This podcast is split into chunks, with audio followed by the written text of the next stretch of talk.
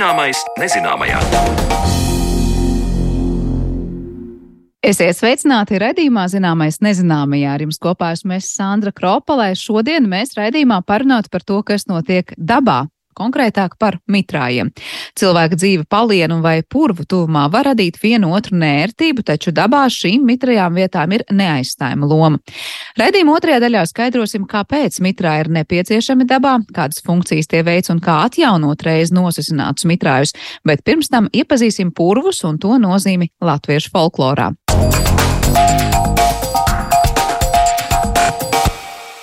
Ja šodien par purvu runā kā par vērtīgu biotopu, tad palūkosimies arī uz to, kā mūsu senči sadzīvoja ar purvu. Latviešu folklorā purvs bija hausa telpa, robežšķirtne starp drošo un nedrošo pasauli, starp dzīvajiem un mirušajiem. Par purvu mitoloģiskā nozīmē stāstīs folkloras pētniece Janīna Kursīte, bet par senlietu atradumiem šādā vietā arheologs Mārcis Kalniņš. Viņus iztaujās Zanelāce Baltalksne.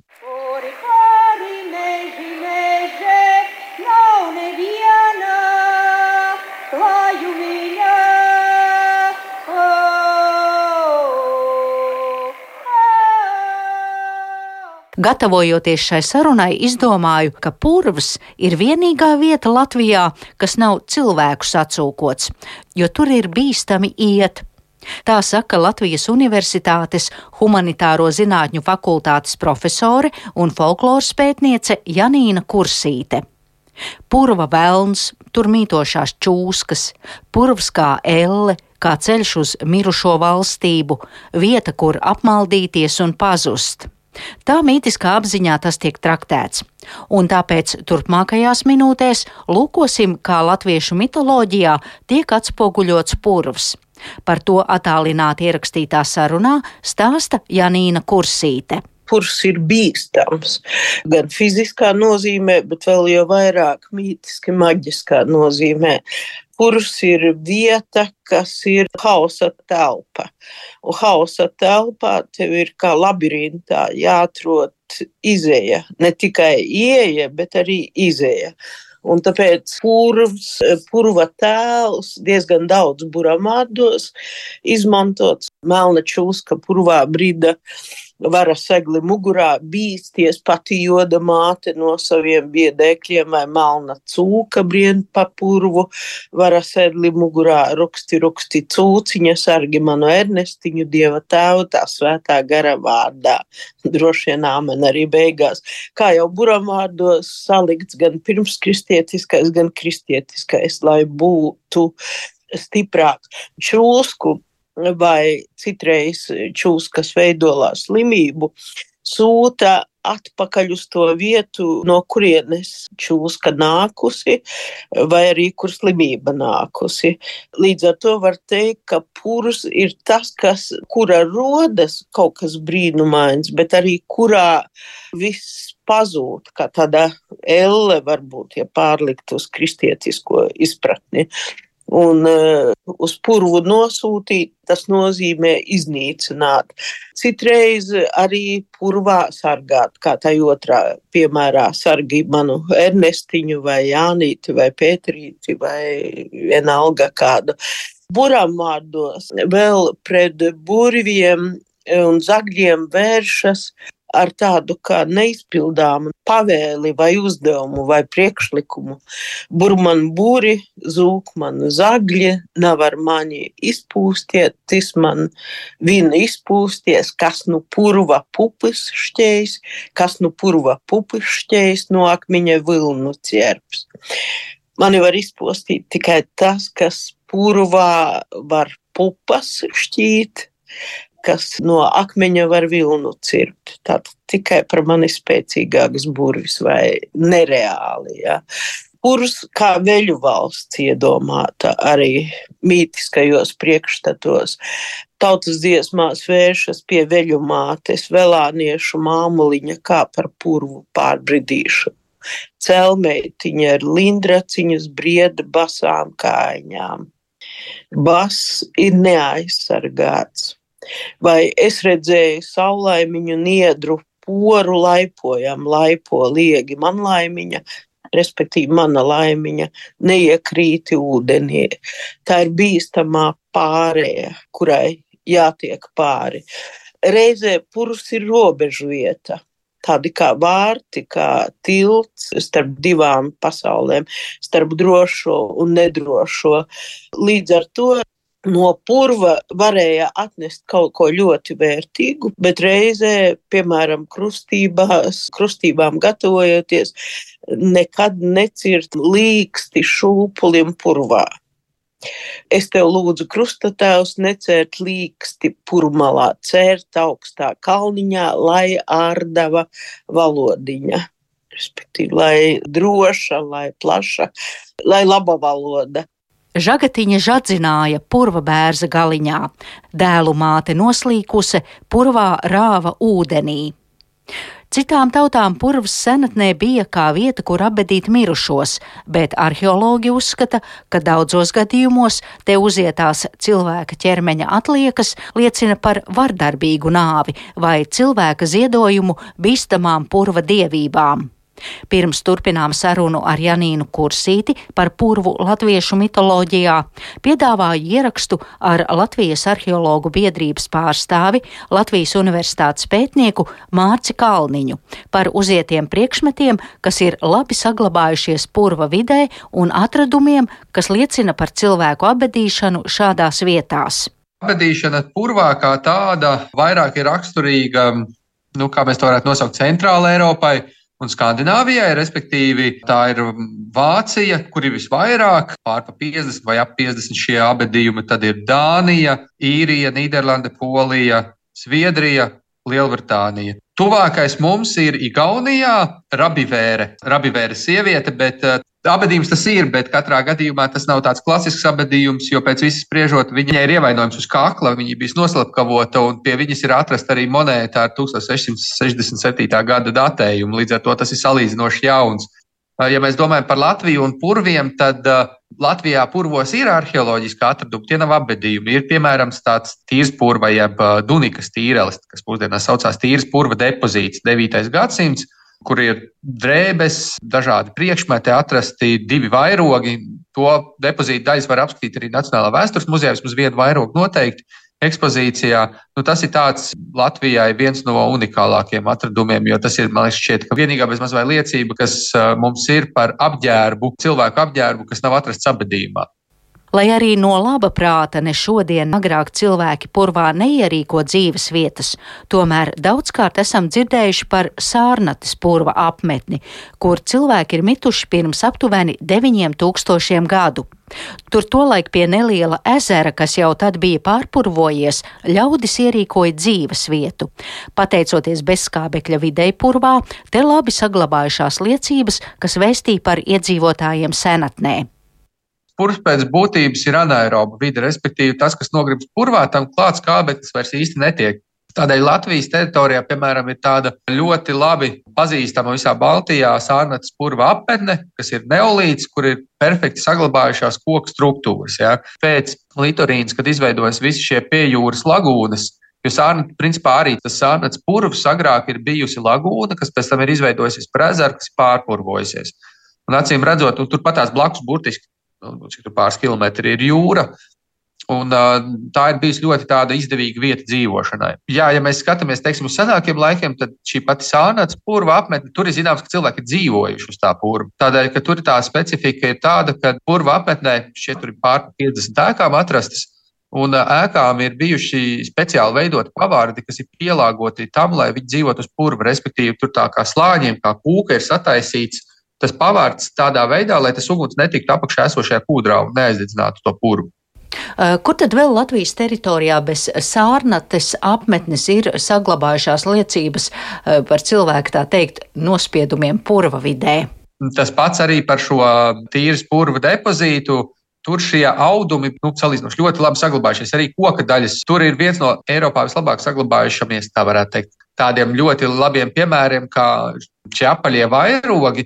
Viņam bija divi vairogi, tajā depozītā bija noguldīti, un viens no viņiem ir ar koka trombonu. Nu, respektīvi, tā daļa, kas sargā roku, ir no koka.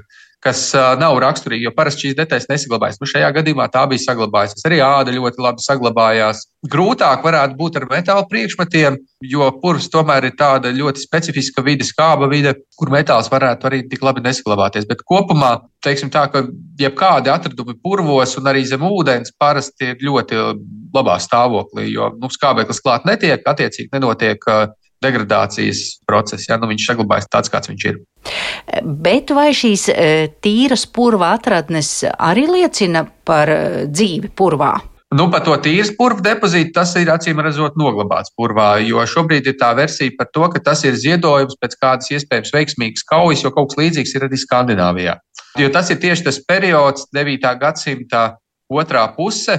Tas ir tas laiks, kad mūsu Baltijas jūras reģionā ir izteikta karošana, kurš uzbruk skandināviem, skandināvi uzbruk mūsu teritorijām. Un, un tādēļ arī šis tā depozīts daļai tiek saistīts kā iespējams kā veiksmīga, tā teikt, tā ir viena no interpretācijām, jā, veiksmīgas cīņas vai nu pievilināšanai, pateicība pēc veiksmīgas kaujas, to grūti pateikt. Jā.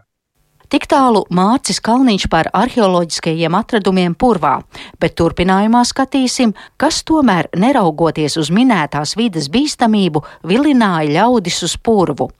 Kā teica folkloras pētniece Janīna Kursīte, tad bieži vien ticējumos un nostāstos tiek runāts par purva augu dažādību un bagātību, un vēl mūsdienās ir sastopamas sievas, kuras no mammas, vecmāmiņas vai vecvecmāmiņas ir pārņēmušas zināšanas par purva augiem, bet, kā teica Janīna Kursīte, tad ilgu laiku par šīm purva augu zinībām klusēja, bailēs, ka ļaudis to uzskatīs par raganu arodu un sodīs šādas purva zāļu sieviņas. Lai arī bīstams tas purvs, tomēr noslēpumu pilns. Ja reiz maldugunis tajā spīd, tad pēc teikām un nostāstiem zinām, ka šīs uguntiņas ir vilinājušas apslēptas mantas meklētājus par malduguniem, jeb liekajām uguniem, jeb arī dažādos vārdos sauktām, uzskatīja, ka Malduguns var vienā gadījumā norādīt uz apslēptu naudu. Otrā gadījumā var tā tevi aizmaldināt, ka tu neatradīsi atpakaļceļu. Un tāpēc bija jāizšķiras, vai nu tu ej, un parasti bija jāiet pusnaktī. Mežā bail ieiet pusnaktī, kur nu vēl purvā, un tā malduguns tevi ved. Un e, līdzīgi kā ir Jāņos, Jāņu laikā pusnaktī, ka var atrast ne tikai zelta papardi, bet arī netik lielu atradumu, bet tomēr naudas veidā, kas spīd. Ja? Bet jārēķinās, ka aizmugurē atskanēs trokšņi, zvēru rūcieni, un tev gribas atskatīties, beigt līdz ko tu paskaties atpakaļ, viss tas pazudīs. Pazudīs, nu, līdz rītam sagaidīs un izies no meža. Bet ko darīt purvā? Un tāpēc stāstu par to, kā purvā atrasta nauda. Nav daudz, bet nu, tie ir brīnuma stāsti. Un nereti tam klāt arī vēsturiskās teikas, ka neskapēc labāku vietu zviedri projām bēgot, vai vēl kāds svešs karaspēks projām bēgot, aprok zem kāda tur līka bērza, naudas lādi, un tad katra jauna paudze to stāstu pārmantojot, iet meklēt. Paldies Zanēlācē Baltalksnē par sagatavoto stāstu. Dzirdējām par purvu nozīmi latviešu tradicionālajā kultūrā un arheoloģijā, bet par purvu un citu mitrāju lomu dabā sarunu pēc brīža.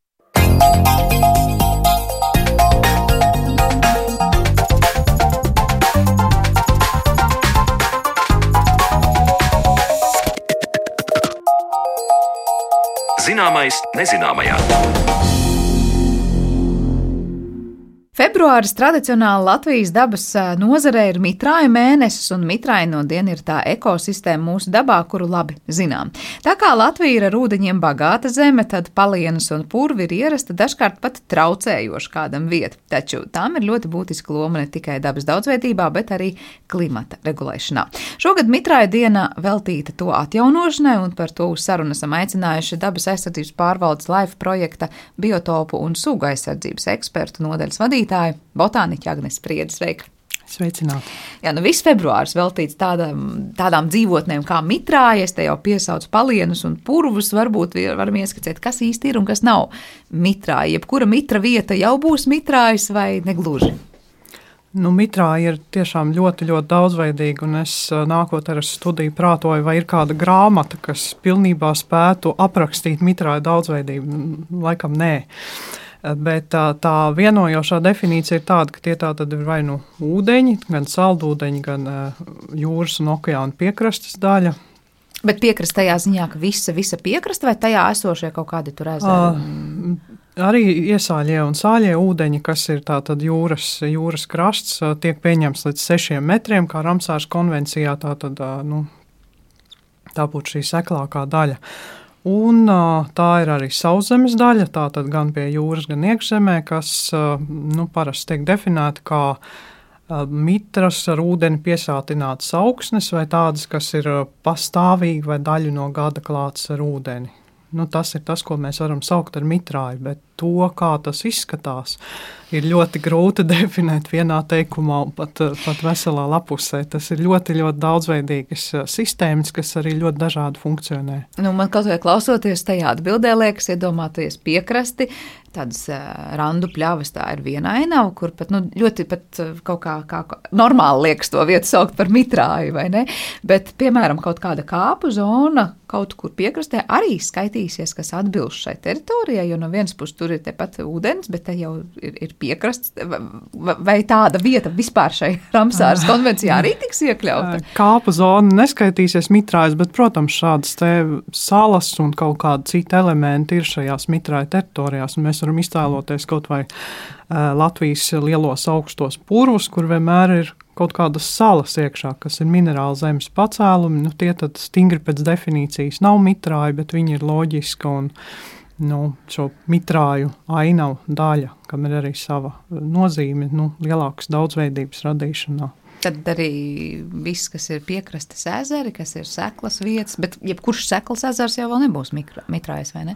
Būs, būs tie paši mūsu, teiksim, Latvijas seklē piekrastes ezeri, kas arī ir kompleksas, ļoti daudzveidīgas teritorijas. Tātad tas nav kaut kas viens, bet parasti tas ir, nu, piemēram, atklāta ūdens daļa, kuru ir niedrāju labirinti, slīkšņas, peldošas salas, eh, pārmitrie meži, šie ezera krastos, zāļu purvi un tā tālāk, un tā tālāk atkarībā no nu, kādā eh, geogrāfiskā zonā šī, šis mitrājs un komplekss atrodas, nu, tad arī tā daudzveidība veidojas. Jā, tāda stingra robeža, piemēram, tādam seklam ezeram, kurš, ir, kurš nav mitrājs, nepastāv. Nu, nu tad šī robeža būtu velkama tur, kur beidzās šīs ar ūdeni piesātinātās augsnes. Nu, kur, kur sākās jau tāda ekosistēma, kas nav teiksim, tā, pārmitra, kur nav šī ar ūdeni piesātinātā augsne. Nu, tā vienkāršot mēs to varam uztvert, ka tās ir kūdras augsnes, taču nevienmēr, jo tās var būt arī minerāla augsnes. Un, un to dažādību veido nosaka kā jau minēju, nu, ļoti dažāda vegetācija un tātad visi šie procesi, kas notiek, bet arī mitrājiem ir dažādi barošanās veidi. Nu, tas nozīmē, no kurienes mitrājs ņem ūdeni. Tas var būt no pazemes uh, ūdeņiem. Nu, tur var būt tādi klasiski piemēri, teiksim, uh, sausajās geogrāfiskās zonās noviet, atrodošies mitrāji, nu, kas uh, barojas no pazemes ūdeņiem, teiksim, tādas kā oāzes, tūkstošos un, un, un kaut kādās semi-arīdās zonās, jā, mm. kas ir tādas pilgti piemēri, ja, un kuros droši vien arī cilvēks uh, varētu labi saprast, uh, kāpēc šie mitrā ir svarīgi. Nu, jā, esot tūkstnesī pēkšņi nonākot oāzē, pavisam noteikti, jā, bet laikam to pārliecību iegūt kaut kur, nu, tādā Latvijas ainavā. Jā tur laikam ir daudz sarežģītāk. Jo nu, jā, nu, Latvija atrodas e, zonā, kur e, nokrišņi ir vairāk nekā iztvaikojums. Tas ir tas, e, tā pamatlieta, kādēļ mums ir diezgan daudz, varētu teikt, pat daudz mitrājumu, kādēļ pārporošanās process. Un līdz ar to mēs arī visbiežāk nespējam novērtēt šo mitrāju lomu. Mēs nu, skatāmies ārkārtīgi lokāli uz to, kas mums traucē varbūt dzīvē un, un kaut kādas rada ķēzes un nepatikšanas, jo varbūt mēs esam paši pārāk iekāpuši šajos mitrājos. Bet, kā jau minēju, šajās sausajās, tuksnešainajās zonās mitrājiem ir milzīga fundamentāla nozīme, un cilvēki to ļoti labi saprot, ko nozīmē, nav ūdens. Nu, tas rada neatgriezeniskas izmaiņas arī uz, uz cilvēku dzīvi un, un iespējām. Ja mēs runājam par tieši tām vietām, kā mēs šeit Latvijā, kur mēs varbūt uzreiz nesaskartos, nu, ko nozīmē, ka nav ūdens, ja tas mitrājs ir vienīgā vieta, kur mēs varam tiešām to baudīt. Kādas ir tās galvenās funkcijas? Es te mazliet jau ieskicēju to, ka te ir gan dabas daudzveidība, gan klimats jāmin. Par purviem mēs esam arī runājuši šajā raidījumā un daudz reiz esam atgādinājuši. Un eksperti te izteica salīdzinājumu, ka tā būtu tāda tā kā švamme, kas uzsūc ūdeni, un tad, kad savukārt tas ir pa daudz, un tad, kad tā nav, tad atdod to ūdeni. Uh, Kā tu raksturot tos nu, ļoti dažādos dzīvoņu patiesībā funkcijas? Nu jā, tās um, pēdējos laikos mēdz saukt par ekosistēmu pakalpojumiem, bet nu, faktiski tie ir vairāk veidi, tādi labumi, ko jebkādas uh, ekosistēmas sniedz uh, cilvēkam. Teiksim, tā nesniedz, bet cilvēks ir vienkārši šajā visā sarežģītajā pasaulē, kā viena no būtnēm, kura nu, vēlas eksistēt. Līdz ar to viņš no sava viedokļa saprot, ka tie ir labumi, kurus it kā ekosistēmām būtu nu, jāpiegādā. Jā, paņemt, jā. jā. Uh, bet uh, mitrāji, protams, ir uh, viss vis nozīmīgākie tieši ar šiem mm, globāli nozīmīgākajiem labumiem, ja, kurus mums ir arī visgrūtāk pārreikināt naudā un pa īstam apjēgt to nozīmi. Nu, tā tad ir klimata regulēšana, jo nu, viens, ka mitrāji tīri lokālā, reģionālā līmenī tad regulē vispār ūdens apriti dabā. Ja, gan piesaistot ūdeņus, gan tos teiksim, tā lēni atlaižot. Ja, ko mēs savukārt nu, salīdzinošā veidā varam saprast tādās ļoti sagrāvjotās, pārveidotās teritorijās, cik strauji ir ūdeņu nu, plūdu riski. Teiksim, pie lieliem nokrišņiem, un kādi tie ir salīdzinoši reģionos, kur ir mitrāju daudz. Nu, piemēram, palienu pļavas arī būs tas piemērs. Palienu pļavas kā... ir ļoti izteiksmīgs piemērs. Jā, tātad palieni ir faktiski tāds uh, regulators un filtrs dabā. Tieši tāda ir šī funkcija, arī piesārņojums savācējs. Un, nu, tā būtu zona, no nu, kuras cilvēkam būtu jāturās tālāk līdz, līdz šī maksimālu palu robežai. Nu, tā, tā, tā ir vieta, kur būtu šai ekosistēmai jāļauj dzīvot savu dzīvi. Un tad arī šie pakalpojumi tiks nodrošināti. Un tad, Jā. ja mēs šajā brīdī pārāk tuvu iekāpjam šajā palienu pļavā un mēģinam tur kaut ko pārveidot, apbūvēt un panākt, lai mums tur būtu ērti dzīvot un mēs neaplūstu, šajā konkrētajā vietā daba nevar veikt savu funkciju. Tas nozīmē, tie plūdi pēc tam aiziet uz citu vietu un var teikt daudz lielākā mērā dara daudz lielākas lietas. Ja? Nu, tā tas diemžēl ir. Tad, tad sākas vajadzība pēc dažādiem ļoti sarežģītiem, ļoti dārgiem inženiertehniskiem risinājumiem, kas ir dažādi aizsprosti, dambi un slūžas un kas tik vēl ne. Un, un tajā brīdī, mēs, ka, kad mēs nonākam pie tiešām pie ekstrēmiem, mēs saprotam, ka tas viss var nestrādāt. Un, un, un, tajā, un tad, lai mēs pa īstam saprastu saprast šī ekosistēmu pakalpojumu jēgu mums būtu jāsaliek blakus, nu, kaut vai izmaksu ziņā, jā, cik mums visas šīs konstrukcijas, to uzturēšana, atjaunošana maksā. Un cik mums maksātu vienkārši saglabāt šo palienu tādu, kā tā ir. Turklāt palieni jau ne tikai palīdzēs plūdu gadījumā. Kamēr paliena funkcionē, var teikt, tur taču arī dabas daudzveidībai notiek ļoti, ļoti būtiskas lietas. Kas notiek, nu, ja tur kaut tā. kas tiek pārauts? Nu, ja mēs runājam tikai par cilvēku ekonomiskiem labumiem, jā, bet, nu, protams, ir šīs paralēlās funkcijas.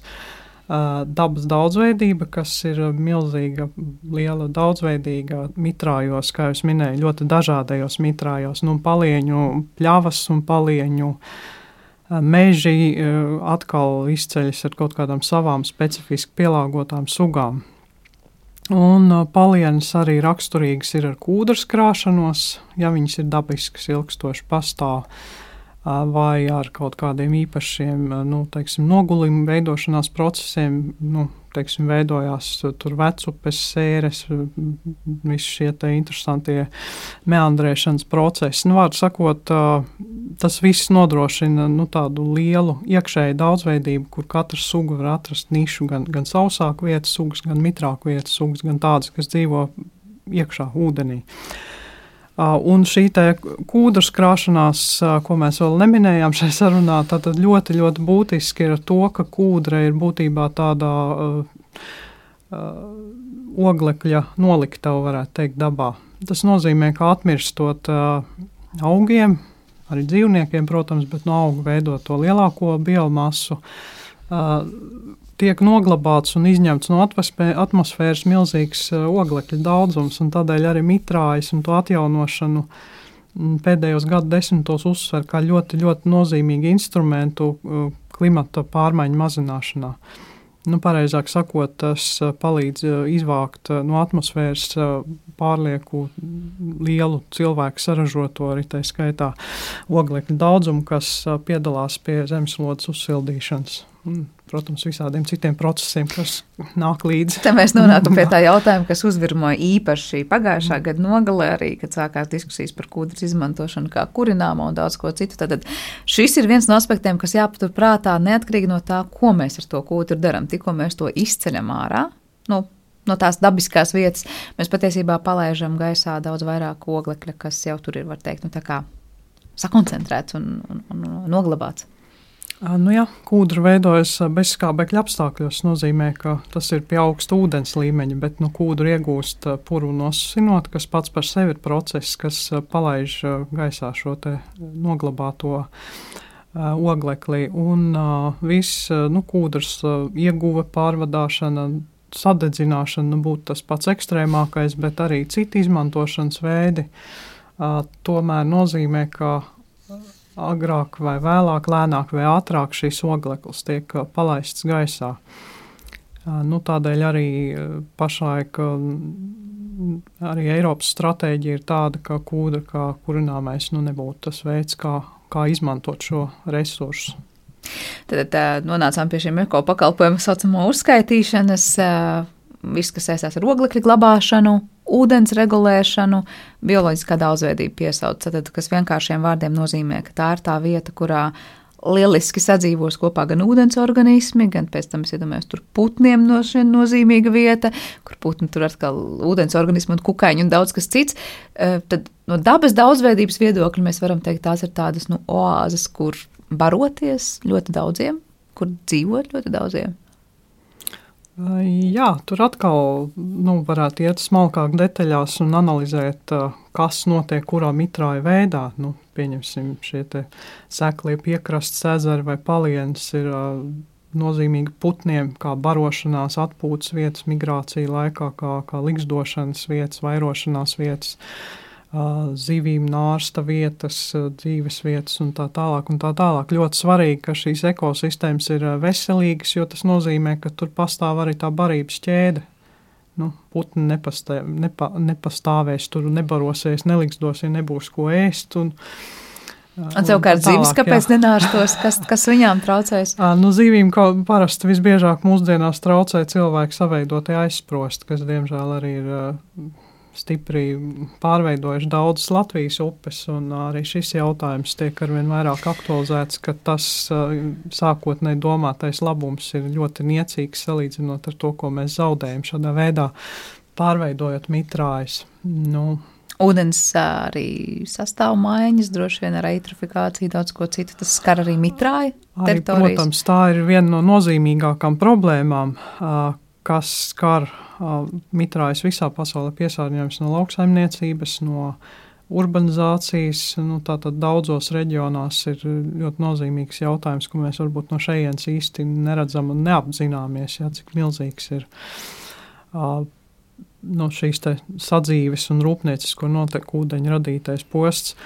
Un uh, tīri arī zemes pārveidošana, apbūvēšana, nosacināšana, jo, jo izplešoties uh, pilsētām un arī lauksaimniecības zemēm tiek zaudēts arvien vairāk mitrāju. Par to, cik daudz mēs zaudējam mitrāju, vai tā ir taisnība, ka mitrāju skaits samazinoties straujāk nekā meži? Mēs zaudējam šīs dzīvotnes vēl intensīvāk par mežiem. Es nezinu par konkrēti Latviju, Eiropu, Jā. pasauli kopumā, droši vien dati atšķirtos.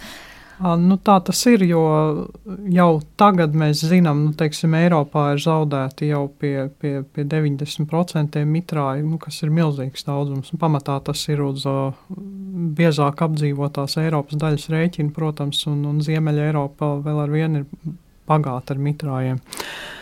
Uh, un, uh, bet nu, pamatā šie mitrāju zaudēšana notiek uh, nu, ārpus, ārpus Eiropas, kas ir arī blīvi apdzīvotā Āzija, Tuvija Austruma un tā tālāk. Un tur uh, notiek arī tādi jau ir redzami šie klimatu pārmaiņu izraisītie procesi, uz, uh, kas ietekmē mitrājus. Nu, uh, Droši vien arī klausītāji būs dzirdējuši, ka ir sākusi jau labu laiku izžūt Kaspijas jūra, citi sāls ezeri. Nu, tas ir tādas tiešām fundamentāls izmaiņas ar ietekmi uz ļoti plašu reģionu.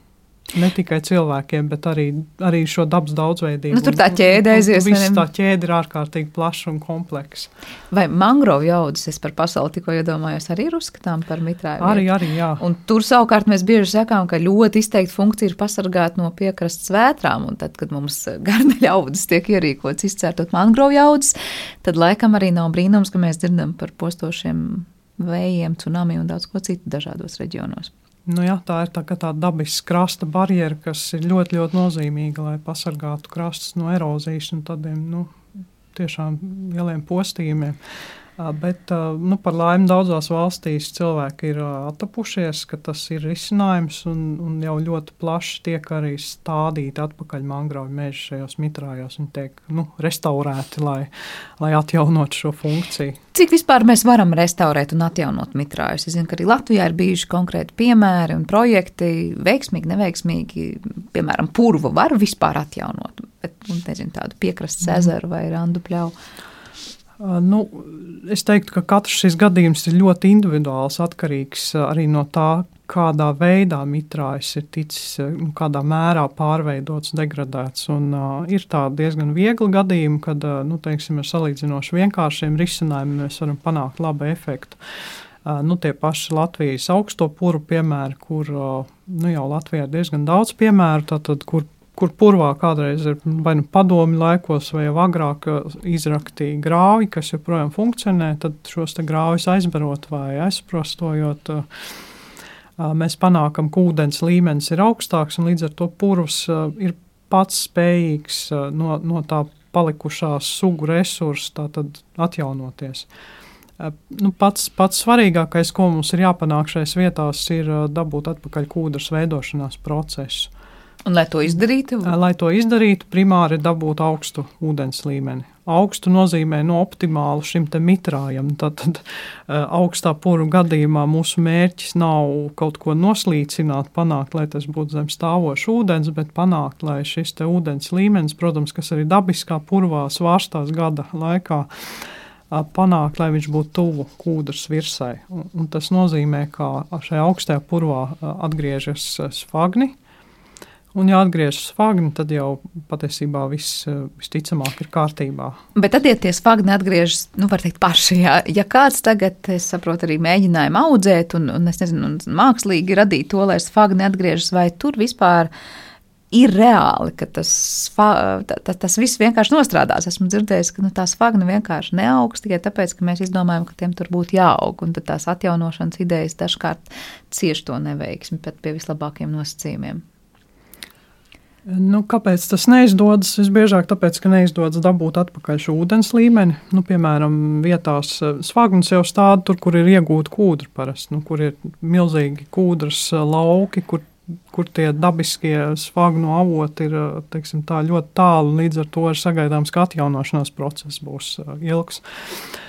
Un tad būtu jādabū atpakaļ piemērotos apstākļos ar pareizu skābu oligotrofu purvu ūdeni, nu, tā tad mitra, mitra vide.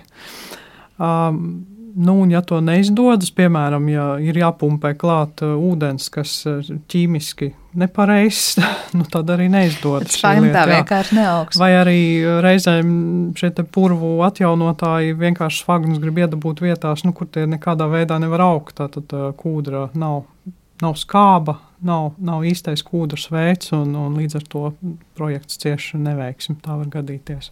Un savukārt veidi pēc tam atjaunot purvu, piemēram, stādot, tur zina Latvijā arī šie mēģinājumi kokus, ko pēc tam realizē, un, proti, tā jau nav purva atjaunošana, tā ir, var teikt, šīs zemes tālāk izmantošana, iegūstot resursus, jo par mitrāju tas vairs nekļūst nekad. Jā, nu, par to varētu daudz diskutēt. Ja, to, to varētu saukt par vienu no izstrādātu puru rekultivācijas veidiem, ka mēs stādām tur mežu un tālāk komerciāli izmantojam, ja, kā koku audzētāju. Protams, tas ir veids un ir arī gadījumi, kad tīri tehniski vai kaut kādu nu, kaimiņu konfliktu dēļ mēs nevaram šo ūdens līmeni atjaunot, tad tas ir risinājums. Uh, taču tur, tur varētu stipri diskutēt par šo tālāko šīs sistēmas funkcionēšanu, jo joprojām mums ir jāuztur grauju sistēma, lai, lai šie koki labi augtu, kas nozīmē atkal, ka mēs būtībā uzturam vietu, kur kūdra turpina sadalīties un, un emitēt šīs oglekli atmosfērā. Uh, Tas jautājums ir komplekss, un par to arī zinātnieki pašlaik strīdās, kā tur īsti ir. Jo skaidrs, ka mēs varam šīs emisijas mērīt uh, lokāli, bet kā tas galu galā summējas un rezultējas ainavas līmenī, par to ir jautājums. Nu, un, jebkurā gadījumā ārpus emisiju pat konteksta, jā. nu, mitrājs tas vairs nav un nebūs tajā brīdī. Jā, tieši tā, kamēr tur nav ūdens līmenis panākts tāds, kāds raksturīgs purvā, tas ir. Uh, meža audzēji vai mežs, vai sauksim, kā gribam, bet tas nav mitrājs. Ja mēs par mazliet citiem piemēriem, te arī sarunas sākumā izskanēja šie piekrastes ezeri un arī par Angūras ezeru daudz lasīts, dzirdēts un domāts, un tur uh, savukārt mēs saprotam, ka no agri vai vēlu var teikt, tas ezers jebkurā gadījumā pārpurvosies, vai nu, tā, tā, tā liktenis ir tāds, kāds tas ir, lai gan ir ļoti būtiski bijuši apsaimniekošanas pasākumi, kas ļauj tā kā, nu, tam ezeram ar tik ļoti lielu intensitāti neaizaugt un nepārvērsties par varbūt niedrāju vienu lielu jau šobrīd. Kādas ir tādu vietu tālākās, es nezinu, izredzes, un kas ar to notiks, un ko mēs varam darīt, lai saglabātu šo esošo stāvokli? Mm -hmm. Jā, nu tāda ezera kā, kā kaņieris, kā angurs ezers, būtībā tās ir mākslīgas sistēmas, jo viņi ir pazemināti, vairākas reizes ūdens līmenis ir mainīts kopš 19. gadsimta, un līdz ar to Es domāju, ka mēs viņus nevaram saukt par dabiskām sistēmām, bet tikai par tādām, nu, kas ir daļēji dabiskas, tomēr pašlaik šajā attīstības stadijā ar lielu un ļoti nozīmīgu bioloģisko daudzveidību. Uh, neapšaubām šāda ezera un vispār visu Latvijas ezeru liktenis ilgtermiņā ir pārtapa par purviem, bet uh, mm, teiksim tā, mēs varam šo procesu palēnināt. No Engūras ezera gadījumā un arī kaņieru gadījumā šo procesu būtiski pātrinājusi ir uh, barības viela ieplūde pa upēm uh, no apkārtējām zemēm, līdz ar to tā aizaugšana pātrinās. Nu, skaidrs, ka šie niedrāji izplešās, īpaši Engūras ezerā. Uh, tos var mēģināt pļaut vai kaut kā plēst ārā šīs slīkšņas, kas arī ir mēģināts darīt. Un, un, protams, tas palīdz uzturēt šo putnu dzīvotni, un to vajag darīt. Taču tāpat laikā no ezerā notiek visu laiku sedimentācija, uzkrājas dūņas ar vien vairāk, vairāk, un tas nu, tehniski, teiksim, tā varbūt ir iespējams, bet tas būtu ļoti, ļoti dārgi un sarežģīti. Līdz ar to neviens tā pavisam fundamentāli nav uzdrošinājies pieķerties šiem ezeriem. Tā kā ko varam, to darām, bet mēs saprotam, ka tās lielās līnijās nu, tā liktenis ir skaidrs par to jā, pārpurvošanos. Jā, jā. Bet uh, droši vien jautājums, vai tas notiek dažos gados, vai pāris simtus gados, vai vēl lielākā laika nokrīzne, arī svarīgs. Jā, nu noteikti, tas nav dažu gadu jautājums. Tas uh, gan jau ir vēl kādu pāris, uh, vismaz simtu gadu jautājums, no atkarībā no kā pagriezīsies ar šīs klimatu pārmaiņas, uh, ko visticamāk veicināt nu, kaut kādi sausāki, siltāki apstākļi, kas varētu veicināt. Nu, vienkārši. Uh, šī sauszemes, sauszemē līdzīgāka mitrāja veidošanās varētu būt straujāka šo ezeru gadījumā. Eh, par Latvijas šīm vietām runājot, es saprotu, ka Latvijā ir sešas īpašas aizsargājumās dabas teritorijas, eh, kas ir novērtētas kā šīs starptautiskās nozīmīgās mitrāja teritorijas, jeb Ramsāras vietas, tu pieminēji arī šī Ramsāras konvencija. Uh, mūsu daži piesauktie piemēri, ja, protams, ir ļoti uzskatām piemēri tam, vai Ramsāras konvencija un tās vietas tiešām, nu, var teikt, ir darījušas ko labu, un var teikt, tas efekts ir panākts, ka konkrētas vietas ir aizsargātas. Mēs varam teikt, ja tā vieta ir definēta kā šī Ramsāras vieta, tas tiešām nāk par labu, vai tas ir tikai tā uz papīra, mēs zinām, bet reāli tā aizaugšana vai pārpurva vai, vai, vai nosacināšana notiek konkrētajās vietās, neatkarīgi no tā, kāds ir tas aizsardzības status. Nu, tas atšķiras pa valstīm. Latvijā tas, es teiktu, ir dekoratīva nozīme, jo nu, pats Ramsārs status neko īsti saimnieciskā ziņā neizsaka. Bet visām šīm teritorijām ir arī citi statusi. Tas ir gan Latvijas nozīmes aizsargājums teritorijas, gan Natūra 2000 teritorijas. Šīs robežas tā tad ir tādas pašas, un, un, un tas gan nozīmē, ka tur ir kaut kāda specifiska aizsardzības vai apsaimniekošanas pasākuma, kas ir veiksmīgāk vai neveiksmīgāk palīdz šīm vietām saglabāties. Un es domāju, pirmais un viennozīmīgi, ka tur nu, nav atļauta kaut kāda intensīva iejaukšanās un darbošanās, kas, kas varētu stipri apdraudēt mitrājus eh, ārpus jebkādām aizsargājumām teritorijām. Ramsāra, es domāju, ir tāds, nu, var uzsist sev uz pleca, ka mēs esam starptautiski nozīmīgi šai ziņā, un tiešām tās ir tādas pērles Latvijā, kur Es saprotu, tās pērles ir gan jau piesauktais Angūras ezers un Kaņieru ezers, tāpat arī teiču un pelečāras purvi, arī ziemeļpurvi un Lubāna mitrāja kompleks, kā arī papis mitrāja kompleks. Tās ir tās Jā, Ramsāras vietas. Varam jā. teikt, ka nu, Latvijas dabā, ja mēs runājam par mitrājiem, tās ir tādas nozīmīgākās un izteiktākās vietas. Es teiktu, ka jā, ja mēs uh, sakopotu mitrāju nozīmi pēc kaut kādiem indikatoriem skarts, tad viennozīmīgi. Jā, un, un pēdējā izmaiņa Latvijas Ramsāras vietās ir, ka tur ir iekļauts viss ķemeru nacionālais parks, ne tikai kaņieris, tātad arī lielais tīrels un visi mitrie meži. Kam patiesībā tur būtu jā. jābūt tā, jā, jā, no laika gala, bet nu, tagad tas ir izdarīts. Mēs te sakām, ka februārs ir tradicionāli Latvijas dabas nozarē šis mitrāja mēnesis, vai ir kaut kas tāds, kas īpaši nezinu, mūsu klausītājiem jāliek aiz auss tieši februārī, vai kas ir gaidāms, ko var katrs daudz vairāk iepazīt, pats savam acīm ieraudzīt, uzzināt, kā citādi padomāt par šīm dzīvotnēm. Un vai ir kaut kas tāds, ko mēs katrs varam darīt? Vienkārši nesakot, nu, kamēr tur kāds cits nav lēmis, tikmēr jau nekas nemainīsies, vai no mums ir atkarīgs tas, kas ar tiem mitrājiem notiek. Jā, nu es pirmkārt aicinātu iepazīt un apdomāt šos mitrājus katram un arī izmantot tās izglītošanās iespējas, kādas Latvijā ir. Nu, konkrēti par, par šo februāri es ieteiktu pasakot līdzi kaut vai dabas aizsardzības pārvaldes pasākumu grafikam, var atbraukt uz kaņiera niedru skulptūru talku, kur ir iespēja izpausties, bet nu, tā ir vairāk kā tāda spēlēšanās, bet tur būs arī iespēja uzzināt par šo mitrāju nozīmi un kon par konkrētās vietas nozīmi. Un, un, un, es teiktu, ka parastā cilvēka nu, jautājums, ko es varu darīt, pirmkārt būtu atbalstīt, uh, apzinoties šo mitrāju lomu, ja šos aizsardzības pasākumus, kāpēc mums šīs teritorijas ir vajadzīgas, kāpēc tās ir jāsaglabā. Uh, un, un es domāju, ir vērts apdomāt katram, nu, kāda ir tā patiesā mitrāju loma manā dzīvē, vai es eju makšķerēt zivis, un kas būtu, ja man šīs upes nebūtu, kur iet vai, vai ezerā kas būtu, ja nebūtu purva, kura sēž dzērvenēs. Varbūt ne tikai dzērveņa izpausmē, bet tā patiesā loma jau ir daudz plašāka un tā tālāk. Ja? Un, un es domāju, ka tas arī rosinātu varbūt reizēm rīkoties citādi. Jo nu, tā tieši mitrā, es teiktu, ir pārāk kompleksa un sarežģīta, lai mēs tagad mudinātu, teiksim, ņemt lāpstu un neatjauno mitrā. Varbūt labāk, lai arī katrs da, da, pēc savu ieskatu nedara. Dēlī, jā, šādā veidā. Tātad tie vienmēr ir nu, tādi plānošanas un stipras priekšspējas pasākumi.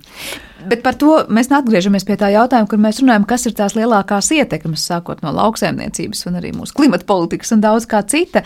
Tad mēs varam teikt, ja mēs esam, nezinu, tie, kas apstrādā zemi, ja, tad mums ir jādomā, vai no tā, kā mēs saimniekojam, kaut kur nenonāk pārāk daudz barības vielas, varbūt tāds mm. piekrasts ezers vai kas cits um, aizaug ar niedrēm daudz aktīvāk un ātrāk, ja, vai savukārt atkal, tad, kad mēs patērējam to lauksaimniecības produkciju, tad mums ir svarīgi zināt, ko mēs patērējam. Kā tu ies, ieskicētu nu, tās ietekmes sfēras, un kurās mēs varam teikt, nu, vienalga, ja mēs esam vai neesam lauksaimnieki, patērētāji kopumā, esam, ko mēs varam darīt. Ja mums nav meža, ko mēs izcērtam vai neizcērtam, ja, vai Jā. Nē, nu, mēs varam sākot ar to vienkāršo, ko mēs zinām, saukli jūra sākas tavā vannas istabā. Tātad šie piesārņojošie visi vielas, ko mēs lietojam, protams, tiek pa starpu attīrīti, bet kaut kas no tā tomēr aiziet tālāk. Tā tam ir nozīme, ko, ko mēs darām jau savā vannas istabā.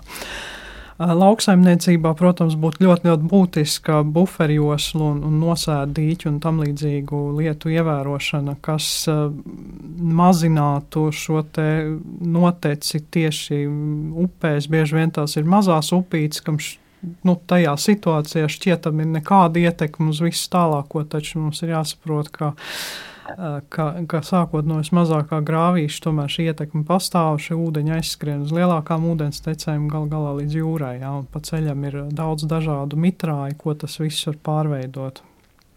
Tā kā lauksaimniecības praksa viennozīmīgi arī mežsaimniecības praksa, nu, diemžēl tas tā ir, kā lielāka kailciešu intensitāte arī upju ezeru tūmā, protams, veicina uh, ūdens tilpju, ūdens teču aizaugšanu kas, nu, protams, rezultējās tajā, ka mums vairs nav bieži vien upīši, kur ir skaidri redzams ūdens, ja tur tikai kaut kādas blīvas augušas audzes un aļģes. Un, un tā tālāk, un tā tālāk. Tā kā katra šī darbība lauku un pilsētas ainavā ir ar savu ietekmi arī uz mitrājiem. Un tā kā mitrā ir ļoti dažādi, tad Jā. arī tās ietekmes ir daudzveidīgas un dažādas. Un, var teikt, vismaz nu, februārs varbūt daudziem tiešām ir tas mēnesis, kas pamudinātu uzzināt vairāk un varbūt arī kaut ko pats, pašiem savām rokām izdarīt, ja mēs runājam par tādu varbūt jā, izklaidējošāku pasākumu, kas ir šis niedru konkrētais pasākums, bet tāpat laikā vienkārši savām acīm ieraudzīt un nevēl sakt, tad, kad tu iepazīsti vietu, tad arī tev tā sāk daudz vairāk rūpēt. Paldies, Agnes, par sarunu. Es atgādināšu, ka dabas aizsardzības pārvaldes LIFE projekta biotopu sugu aizsardzības eksperta nodaļas vadītāja botāniķa Agnes Prieda pie mums šodien viesojās raidījumā Zināmais nezināmajā, ko producēja Paula Gulbinska par mūziku gādāja Girds Bišs, Elizabete Šaicāno bija skaņu režijā un Sandra Kropa studijā. Uz tikšanos!